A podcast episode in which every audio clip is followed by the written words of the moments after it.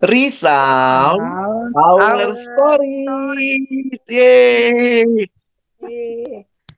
Nah, uh, hari ini kita sama-sama ketemu lagi nih, kayak gitu. Masih sama kondisinya di rumah masing-masing seperti itu. Nah, tapi ada salah satu topik yang menarik nih.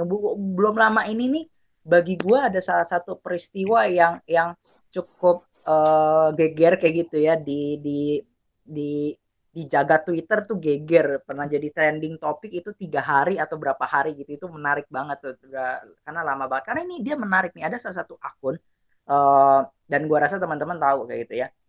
Salah satu akun financial planner yang diduga melakukan penggelapan. Bukan penggelapan lah ya melakukan penipuan. Jadi dia kayak kayak ngumpulin dana orang dari banyak orang terus akhirnya dana tersebut diambil untuk keuntungan uh, mereka sendiri. Seperti itu. Nah tapi mereka menariknya adalah kenapa orang bisa banyak percaya dan banyak banget tuh yang follow akun tersebut tuh. Bisa sampai seingat gue tuh 300 ribu wan atau berapa gitu gue wow. gua ada dan gue follow Kalah ya juga friendzone ya? Iya friendzone gitu. masih belum segitu ya? Uh, ya friendzone ada kali ya satu satu miliar mungkin ya. Kapan ya bang? Kita Ya. bisa sampai sebanyak itu ya bang? Iya ya. Iya. teman-teman Nanti harus ya. promosiin.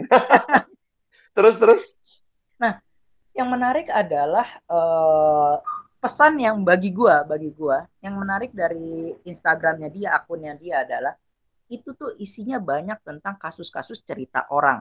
Kayak gitu cerita-cerita orang yang gua juga nggak tahu tuh bener atau enggak cerita itu. Kalau menurut pengakuan eh, adminnya kayak gitu atau pengakuan salah satu foundernya kayak gitu eh, itu cerita bener. Yang di di dia adaptasi dari cerita-cerita orang. Tapi kan gua nggak tahu tuh dia udah tambahin Hmm. kah atau belum kah kan gue nggak tahu sama sekali ya seperti itu. Nah tapi karena gue follow akun itu gue baca gue pikir awalnya eh, follow akun ini wah ini ilmu nih kayak gitu. Gue bisa dapat belajar sesuatu nih. Nah gue waktu gue baca ternyata gue dapat satu pesan yang dia lagi mau sampaikan kayak gitu. Oh pesannya adalah supaya melek finansial. Jadi ke keuangan lu tuh perlu diatur. Oh itu pesannya ya udah gue udah dapat pesannya abis itu gue nggak pernah lihat sama sekali eh, updatean updatean dia. Gue nggak pernah lihat sama sekali karena isi updateannya pas gue baca ada si A si B oh ini mah cerita lagi. Oh pasti sama nih pesannya itu lagi itu lagi. Nah akhirnya gue nggak nggak baca eh, sama sekali kayak gitu sampai akhirnya ada Hmm. peristiwa itu. Nah jadinya yang menarik adalah eh, topik salah satu topik yang eh, kita mau bahas nih diskusikan saat ini bang gimana sih Mm-mm. bang? Akhirnya tuh kita bisa membaca pesan di balik narasi. Kayak gitu. Yang lagi Hmm. disampaikan uh, orang tertentu atau yang lagi disampaikan oleh akun-akun tertentu atau cerita tertentu ataupun juga lagu tertentu gimana tuh supaya kita bisa uh, melihat pesan di balik hal itu? Jangan sampai nih ya kita udah terima-terima aja kelihatannya polos-polos aja kayak gitu. Wah ini kayaknya maksudnya baik nih maksudnya baik ya tahu-taunya kita kena tipu kayak gitu. Eh Hmm. tahu-tahu ternyata pesannya buruk ngajarin ngajarin hal yang buruk seperti itu. Nah itu kan berbahaya ya kayak gitu. Atau atau ada nggak teman-teman tuh punya uh, pengalaman yang ketipu juga tuh sama sama yang kayak gitu-gitu? Tak kita Novi nih Novi nih. taunya wah wah lu, gak pernah kena tempo cuy sampai sejauh ini mah. Lu yang Novi yang tipu kan, nipu. Iya tipunya kan? Gimana bang Eh, ini menarik sih ya, bahwa ternyata di balik semua peristiwa ada Hmm. cerita. Kalau gue pikir sih ada cerita, dan cerita itu sebenarnya yang membentuk em, budaya. Jadi Hmm. kalau gue lagi berpikir gini ya, em, kita nggak bisa tutup mata bahwa semua hal dalam hidup ini tuh orang akan menempatkan dalam sebuah cerita. Karena dengan Hmm. adanya cerita itu akan memberi makna kepada apa yang sedang terjadi. Nah, Hmm, hmm. mungkin yang jadi pertanyaan adalah sebenarnya ada berapa cerita sih yang dunia lagi tawarkan sama kita? Nah, ini menurut gue yang kita mesti belajar memi- melihat, menganalisa, dan akhirnya ya kita harus mengerti bahwa kalau dunia ini, ini kalau gue pakai langsung ininya ya, kalau dunia Ah. ini diciptakan oleh Allah, Allah yang satu adanya, berarti Allah inilah yang akan menuliskan cerita itu. Hmm, Jadi hmm, hmm. bagi gua kalau kita mau mengerti hidup kita yang diciptakan oleh Allah yang menuliskan cerita itu, maka kita Hmm, perlu hmm, hmm. kenal Allah itu kita perlu kenal ceritanya buat kita apa. Hmm, Jadi hmm, ada hmm. kalimat yang gue suka ya sebenarnya yang bilang begini. If we are living a story, then there must be a storyteller. Kalau Ya, ya. kita adalah orang-orang yang sedang menghidupi sebuah cerita, maka harusnya ada yang menjadi penceritanya, yang menuliskan cerita itu. Nah, Hmm. jangan-jangan kalau kita nggak dengan teliti melihat apa yang jadi ceritanya Tuhan itu buat kita, jangan-jangan kita masuk ke cerita-cerita yang lain. Hmm, Nah, hmm, termasuk hmm. cerita-cerita yang tadi kayak Ernest bilang ya, dia dia punya cerita ini, dia bagikan ini. Di balik semua hal kayaknya ada cerita yang ditawarkan. Nah, menurut gua Hmm, itu yang kita mesti sensitif melihatnya hmm. sesuai nggak sama cerita yang kita yakini dari pencipta kita. Nah, tentunya di mana ya kalau kita melihatnya sih balik lagi ya, kita punya kebenaran, kita punya firman yang harusnya mewarnai cara pikir dan cara pandang kita terhadap realita nih yang ada gitu. Kalau gue sih ngelihatnya eh, mungkin secara khusus seperti itu ya. Nah mungkin gimana teman-teman meresponinya? Nah. Mungkin Novi mau share. Tapi Kalau menurut gue sih, Ah. oh iya gimana Ah. Nas gimana? Nas? Nah, gue jadi penasaran tuh yang tadi Bang Alex bilang. Tapi gimana Bang caranya supaya kita sensitif? Nah itu karena Hmm, kadang-kadang kan eh, begitu halus gitu ya, begitu halus dan begitu Betul. menghanyutkan sampai-sampai kita tuh percaya akan hal itu dan terima eh, secara nggak langsung tuh terima, percaya, terima dan akhirnya menjadikan itu hidup kita, gitu. hmm. Itu kan Cerita hidup narasi kita lagi ya. Iya, ah. nah itu, itu itu gimana supaya kita bisa bisa sensitif, Bang? Kalau teorinya nanti kalian jawab dalam praktek ya. Aku bicara teorinya dulu. Hmm. Ada dua hal yang harus kita ingat. Pertama, bahwa kita itu sudah jatuh dalam dosa. Jadi itu membuat kita sadar bahwa eh, kita mungkin sekali memberontak karena ini ceritanya kan kita berontak nih sama cerita yang asli gitu ya. Ya. Nah, jadi eh, kita bikin cerita kita sendiri. Jadi itu pen- bentuk pen- pemberontakannya ya.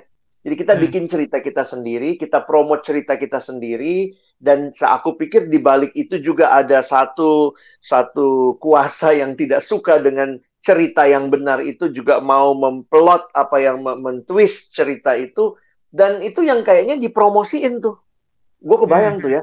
Jadi akhirnya kayak eh, cerita yang nggak benar seolah-olah itu benar karena misalnya banyak follower, banyak yang lihat, banyak yang melihat apa sehingga Hmm. eh, pertama kita harus sadar tuh cerita yang salah tuh sudah jadi bagian kita karena kita memang sudah jatuh dalam dosa. Yang kedua, Hmm. kita Hmm. harus sadar bahwa ada pembaharuan cerita itu yang yang Tuhan kasih sama kita. Ya, Hmm. waktu Hmm. dia datang ke dalam dunia, dia memberikan kita lagi membingkai ulang lah cerita hidup kita. Nah, Hmm. Hmm. kalau kita menyadari hal itu nih secara teorinya, maka gue pikir Tuhan kasih sama kita tiga hal. Hmm. Pertama, Hmm. Tuhan kasih sama kita eh, kehadiran dirinya Hmm. yang harusnya menolong kita bisa memahami cerita ini. Nah, itu kita menghayatinya kan kehadiran Roh Kudus ya dalam Hmm. hidup kita. Roh Kudus itu katanya eh, akan memimpin dan membimbing. Nah, kita yakin banget itu. Nah, yang kedua, Tuhan kasih sama kita eh, firman. Hmm. Jadi Hmm. firman itulah yang akan menuntun. Makanya bagi gue gini ya, Nas, lu Hmm. nggak bisa tahu apa yang salah kalau lu juga nggak kenal apa yang benar. Hmm. Atau maksudnya Iya. gini loh, kita makin makin bisa sensitif kepada yang ini nggak benar waktu kita tahu nih, eh, ini yang benernya kayak apa. Iya, iya, iya. Jadi itu itu harus kita pahami. Lalu yang ketiga, gue ngelihat sih komunitas. Hmm. Hmm. Hmm. Tuhan kasih sama kita komunitas yang tentunya kita bukan satu-satunya yang sedang ada dalam kondisi ini, dalam Hmm. situasi ini. Jadi kita bisa belajar tuh dari teman-teman, dari orang-orang di sekitar kita. apa sih yang sebenarnya sedang sedang terjadi atau bagaimana sih caranya kita memandang hal itu. Nah, Iya, di iya. sini yang gue pikir paling juga penting adalah Tuhan kasih sama kita otak. Gimana ya ngomongnya? Iya, iya, Tuhan kasih sama kita pemikiran gitu. Dan Nah, itu yang harus kita pakai. Jadi kalau gue lihatnya ya dengan eh, pemikiran yang diterangi oleh kebenaran, harusnya tuh kita sensitif tuh bisa membaca culture itu. Nah, itu mhm, teorinya seperti itu. Nah, kan lu mhm, lu lu kan ngalamin nih ya waktu lu ngelihat uh, financial planner ini dengan segala cerita yang mhm. dia sampaikan, lu sendiri ketemu prinsip-prinsip apa yang lu pakai secara praktis untuk akhirnya lu bisa tahu, kayaknya nggak nggak bener deh ceritanya gitu. Apa apa yang lu lihat? Kalau eh kalau gua nih ya kayak gitu. Nggak tahu nih Novi punya cerita juga nggak ya? Atau dia punya nggak- cara nggak tuh supaya sensitif eh, dengan hal-hal apa yang dibalik dibalik dibalik fenomena-fenomena? Kayak kemarin kan Novi ngomong soal FWB FWB kan itu narasi juga kan? Kayak gitu No- Novi bawa narasinya ke kita kayak gitu. Untung kita nggak percaya sama Novi seperti itu. Yes. nah tapi gue waktu itu Gua lagi yang bilang. Terus Cuma waktu itu yang gua gua pelajari kayak gitu ya. Gue sekarang tuh makin lama makin belajar untuk eh tidak cepat menyimpulkan seperti itu. Tidak cepat menyimpulkan dan gue belajar untuk ngulik sendiri. Nah itu tuh kayak gitu. Jadi jadi ketika gua ngulik sendiri, gua ajukan pertanyaan-pertanyaan dia di kepala gua. Nah itu itu gua itu yang biasanya gua lakukan nih. Apakah eh, Lu lu kritis dong ya. Lu lu lu Iya, kritisi heeh. gitu. Mm. Iya betul, iya ya. Menurut gue itu itu penting sih kayak gitu Kar- karena eh, kalau enggak, ya kita akan mudah dengan dengan dengan dengan adanya banyaknya narasi-narasi itu kita dapat dengan mudah percaya seperti itu. Nah jadi gue waktu itu munculin pertanyaan-pertanyaan termasuk tuh waktu gue dengerin pengajaran-pengajaran khotbah kayak gitu ataupun juga ajaran-ajaran agama dan lain sebagainya. Gue pun juga belajar untuk mengkritisi seperti itu. Mm. Eh, jadi gue nggak asal terima nih argumen dia masuk akal atau enggak nih kayak gitu. Kalau dia nggak masuk akal, di mana bagian nggak masuk akalnya? Harusnya apa nih yang masuk akal nih? Harusnya apa nih yang pas da- eh, supaya supaya jawaban itu tuh memuaskan buat gue dan lain sebagainya. Nah itu yang yang biasanya gue gua lakukan. Ya kesannya sih sepertinya lama seperti itu. Karena Mm. gue harus ngulik sendiri, terus belajar lagi. Itu kan capek ya dan lain sebagainya. Dan dan Mm, akhirnya eh, membuat gua nggak bisa banyak belajar eh bukan yang nggak bisa ba- banyak belajar ya nggak bisa banyak menguasai dengan dalam banyak bidang seperti itu tapi at least gua bisa tahu dengan dalam satu hal atau dua hal atau tiga hal seperti itu dan gua tahu persis dan sisanya gua ya seperti yang bang Alex bilang diskusi kayak gitu dengan komunitas dan juga nggak cepat menyimpulkan. Dalam artian siapa tahu gua salah. Kan gue nggak nggak ada yang Hmm. tahu kayak gitu kan. Siapa tahu gue yang salah dan dia yang benar kayak gitu. Nah itu itu yang menurut gue salah satu hal yang perlu di di diperlukan sih hmm. dalam analisis culture ya. Dan berikutnya setelah gue udah tahu apa yang ada di balik itu apa yang mau disampaikan baru balik lagi tuh bandingin nih sama firman Tuhan sesuai atau enggak nih? Kalau enggak ya ya udah ya tinggalin kayak gitu. Sama seperti yang eh, podcast-podcast kita sebelumnya kayak kita ngomongin FWB itu kan kita analisis coba analisis culture juga kan bang? Kayak gitu. Oh iya benar-benar ya. juga Mm. kan? Dan kita tubrukan itu dengan firman Tuhan kayak gitu. Dan ternyata nggak sesuai. Ya udah akhirnya Iya. kita eh, nggak nggak setuju dengan FWB seperti itu nah itu. Tapi gua Hmm. nggak bisa ngelarang eh, memaksa orang untuk eh, sama dengan gua. Yang bisa gua kasih adalah ada narasi lain nih yang menurut gua jauh lebih baik ketimbang narasi lu Betul. dengan FWB lu. Seperti itu. Kayak gitu. Nggak tahu Novi ada ada saran praktis nggak Nov gimana akhirnya supaya kita bisa sensitif terhadap Nah, pesan-pesan atau narasi? Kalau menurut gue sih, ini mungkin hal yang paling gue nikmati ketika di kampus kan kita diajarin untuk berpikir kritis ya. Maksudnya Iya. nggak cuma dar iya dan tidak, tapi kalau misalnya jawabannya iya, kenapa iya? Kalau Hmm. enggak, kenapa enggak gitu. Jadi gue punya temen ya, dia tuh mungkin karena gue anaknya cukup kritis, nggak nggak cukup kritis juga sih. Gue anaknya suka nanya. Nah orang-orang di sekitar gue tuh pasti tahu gitu kan. Kalau iya kenapa harus iya gitu-gitu terus. Sampai dia Hmm. bilang kayak gini waktu itu teman gue e, kenapa sih lu kalau misalnya dikasih tahu tuh nggak mau nurut aja langsung gitu kenapa mesti Hmm. Nggak langsung percaya ya. iya gitu Iya, Nah, iya, iya. maksud, maksud gue di sini adalah gini sih, itu tuh untuk nunjukin bahwa sebenarnya kenapa dia bisa berpikir kayak gitu gitu. Jadi jangan gampang percaya sih. Sama kayak teman-teman tadi bilang, pasti end nya lu harus lihat lagi ke Alkitab. Apakah itu sesuai dengan uh, firman Tuhan gitu kan? Apakah uh, Tuhan tujuannya juga sama? Karena gini, kalau kita nggak berpikir kritis ya, itu kayak gampang diomong ambingin gak sih? Kalau nanti Iya, iya. dunia lagi ngomong A, A itu lagi hits nih, padahal itu sebenarnya dosa, tapi kayak balik lagi nih FWB lagi-lagi gitu ya, biar teman-teman pada dengerin tuh FWB itu apaan. Iya, dunia iya. sekarang ngomong FWB itu tuh kalau teman-teman tahu ya, banyak dunia mengatakan bahwa itu tuh nggak masalah, itu nggak dosa gitu. Kan toh sama mau sama mau, intinya kayak gitu.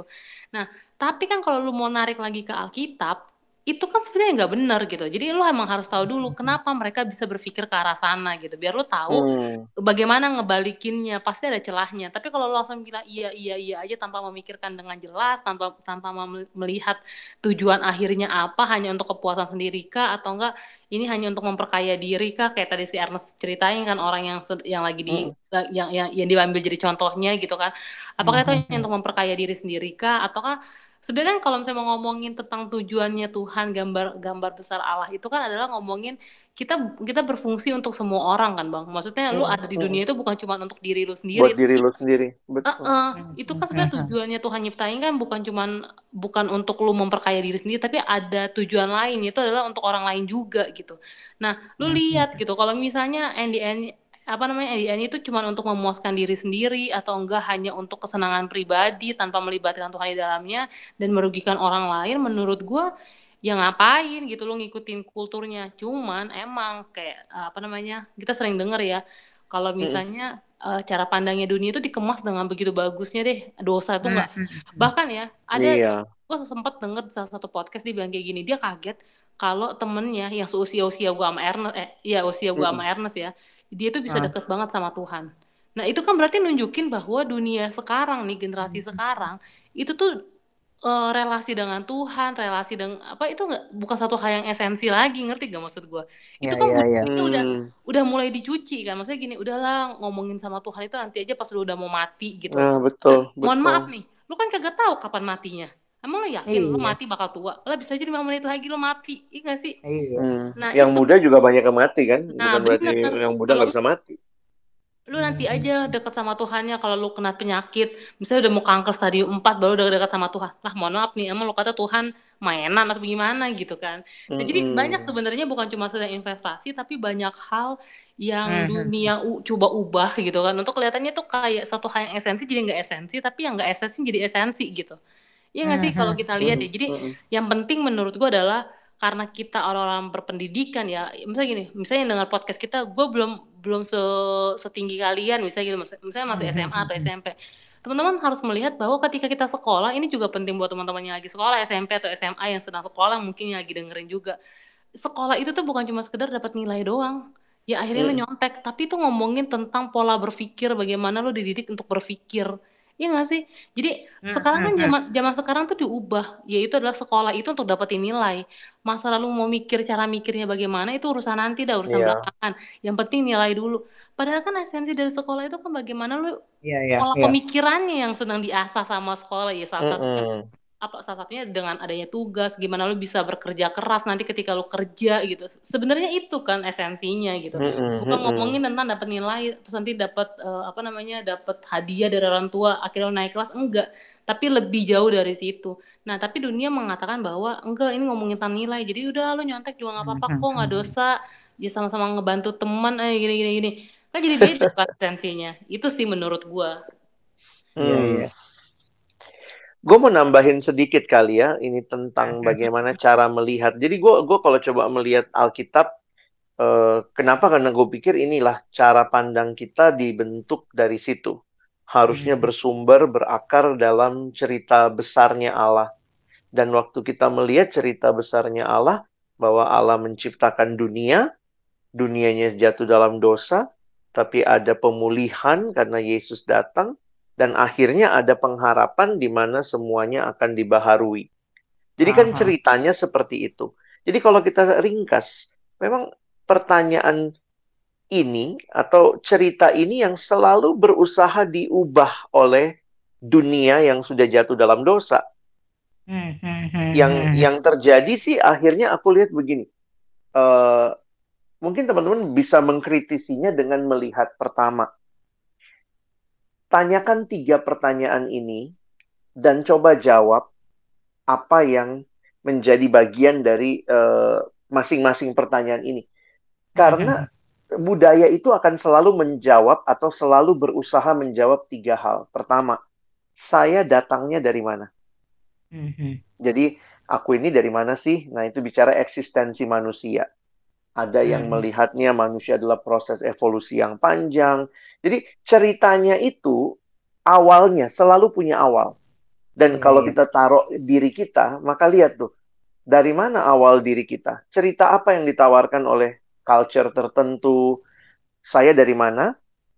Lalu ngapain saya di sini? di sini nih gue ngapain. Nah, lalu kemudian yang terakhir, saya akan ke mana? Jadi sebenarnya kalau gampang diingat ini kayak belajar bahasa Inggris. Past, past tense gitu ya. Dari hmm. mana saya datang, lalu present tense-nya, ngapain saya sekarang di sini, dan yang ketiga, future, mau ke mana hidup saya. Nah, bayangkanlah semua hal dalam culture sedang berusaha menjawab, memberikan cerita baru oh nggak ada Tuhan itu. Jadi mulai dengan nggak ada Tuhan, maka berarti kamu bukan ciptaan yang dicipta dari Tuhan. Kamu ada di sini tanpa tujuan. Hmm, kamu hmm, hmm. menemukan tujuan hidupmu sendiri. Kamu makhluk yang bebas. Jadi teman-teman lihat tuh, jangan-jangan yang ditawarkan dengan lagu-lagu, dengan drama-drama yang kita tonton adalah budaya tak bertuhan. Nah, begitu tidak ada Tuhannya, maka tidak ada pencipta, tidak ada pencipta berarti tidak ada tujuan hidup, tidak ada tujuan hidup berarti tidak ada pertanggungjawaban. It's my life. Hmm. Aku bisa hidup seenaknya aja. Jadi jangan heran kalau ternyata misalnya dalam hidup ya udah lakukan apa yang lu mau, jangan tahan-tahan apa yang ada di hati lu keluarin. Bagi gua itu itu cara kita baca culture. Jadi coba taruh semua ini. Kira-kira dalam dalam cara kita melihat sebuah lagu ya, kenapa lagu ini bilang ya it's my life ya? Ini hidup gua gitu. Oh, ada asumsi apa di balik itu? Oh, mungkin dia bilang ini ada Tuhan sih. Penulisnya ini kenal Tuhan kok, orang Kristen penyanyinya. Tapi apa sih yang sedang dia tawarkan? Mungkin Tuhan hmm. jangan dibawa di ruang kehidupan. Tuhan itu cukup di ruang pribadi aja gitu. Waktu kita hmm. dengan Tuhan kayak lagu apa ya misalnya kadang-kadang gue pikir lagu um, that that the hero lies in you yeah, ya yeah. lihatlah look inside you and be strong jadi oh gitu ya. Cara untuk saya kuat adalah lihat ke dalam diri saya. Biar hmm. pede gitu ya percaya diri. Padahal kalau Alkitab sebenarnya menyatakan jangan mengandalkan kekuatan diri sendiri. Harusnya kita PT percaya Tuhan gitu. Jadi hmm, sebenarnya kalau kita mau mikir mendalam, coba tanyakan tiga pertanyaan itu ya. Uh, dari mana? Cerita ini awalnya dari mana saya datang, ngapain saya di sini dan mau ke mana hidup saya. Nah termasuk juga apakah ada pengharapan yang diberikan untuk masa depan. Karena banyak cerita-cerita bilang ya udah, it's your life, kamu bisa tentukan, nggak ada masa depan, orang tua nggak suka kamu, kamu nggak suka, ya udah bunuh diri aja kayaknya gampang banget. Bahkan ada tutorial di YouTube waktu itu bagaimana cara menyilet dengan benar, cara membunuh diri dengan benar. Apa okay. ini cerita? iya, waktu itu ada anak remaja, soalnya yang aku ketemu dia bilang dia belajarnya di YouTube tuh silet-silet gitu. Wow, karena itu itu cara rilis yang diajarkan kalau kamu sedang ngalamin tekanan, coba nyilet gitu ya. Gimana nyilet dengan baik supaya dapat sensasinya tapi nggak melukai harus ke rumah sakit gitu kan oh. aneh gitu ya jadi gue ngeliat ini apa ya cerita apa yang ditawarkan dan teman-teman mesti sadar gitu itu ada di sekitar kita dan jangan pikir kita lagi hidup di dalam dunia yang bebas nilai kira-kira hmm. begitu sih hmm. Oke oke. Gue setuju sih dengan yang bang Alex bilang. Nah terakhir nih kayak gitu ya untuk uh, pesan terakhir apa sih yang mau disampaikan kayak gitu sama sama teman-teman yang dengar podcast kita nih tentang gimana kita menganalisa culture budaya dan nggak nggak nggak asal terima budaya budaya-budaya yang disogokkan kepada kita. Apa nih Nov yang lu mau mau sampaikan nih tentang uh, analisa culture ini? Kalau menurut gue sih intinya adalah jangan, misalnya gini, menggunakan pemikiran pakai hmm. perasaan juga sih, tapi maksudnya jangan terlalu menggunakan perasaan dalam beberapa hal. Ya bukan hmm. karena gue anaknya logis juga, tapi maksudnya ada saatnya kita berpikir untuk uh, apa namanya uh, apa ya menggunakan akal pikiran kita apakah itu sesuai dengan Alkitab atau enggak kalau enggak ya udah jangan oh. kalau iya ya udah baru lanjut kayak tadi bang Alex bilang sih itu menurut gua oke oke oke kalau dari bang Alex gimana bang Ya, gue inget yang tadi Ernest bilang sebenarnya sih di awal ya, uh, tipis hmm. banget kadang-kadang dunia ini menawarkan cerita barunya. Jadi kayak kelihatannya benar, tapi nggak sepenuhnya benar gitu. Hmm, hmm gitu kali Des ya. Jadi kadang-kadang gue pikir gini, kita bisa aja tuh tanda kutip lah ya kemakan juga tuh, iya bener juga begitu. Tapi ya, seiring kita bertumbuh, sebenarnya kita terjadi pembaharuan kayak yang dibilang di Alkitab ya, pembaharuan akal budi kita Gue yeah, juga yeah. waktu dulu misalnya jatuh cinta gitu ya, terus ada kalimat-kalimat apa? Cinta tak harus memiliki. Jadi kesannya kayak wow, iya bener juga ya. Gue yeah, yeah. buktinya gue sayang banget tapi gue nggak bisa memiliki dia. Terus kemudian jadi merasa kayak cinta nggak harus memiliki. Kalimat lebih lanjutnya adalah ya udah stop mencintai, jangan kembangkan perasaan itu, move on gitu ya. Jangan jangan jangan nungguin punya orang gitu. Nah kadang-kadang kan hal-hal seperti itu yang lebih menguasai pikiran. Jadi gue sih bersyukur karena uh, Tuhan kasih tadi ya, Tuhan kasih roh kudusnya, Tuhan kasih firman, Tuhan kasih komunitas yang harusnya membuat kita hidup dalam dunia ini terus menguji nilai-nilai itu. Dan itu sebuah proses, bahkan menurut gue proses seumur hidup. Terus coba kita uji lagi. Apakah benar hmm. ini cerita yang saya mau hidupi dan kita terus pakai patokan Alkitab untuk menolong kita jalan dalam ceritanya Allah.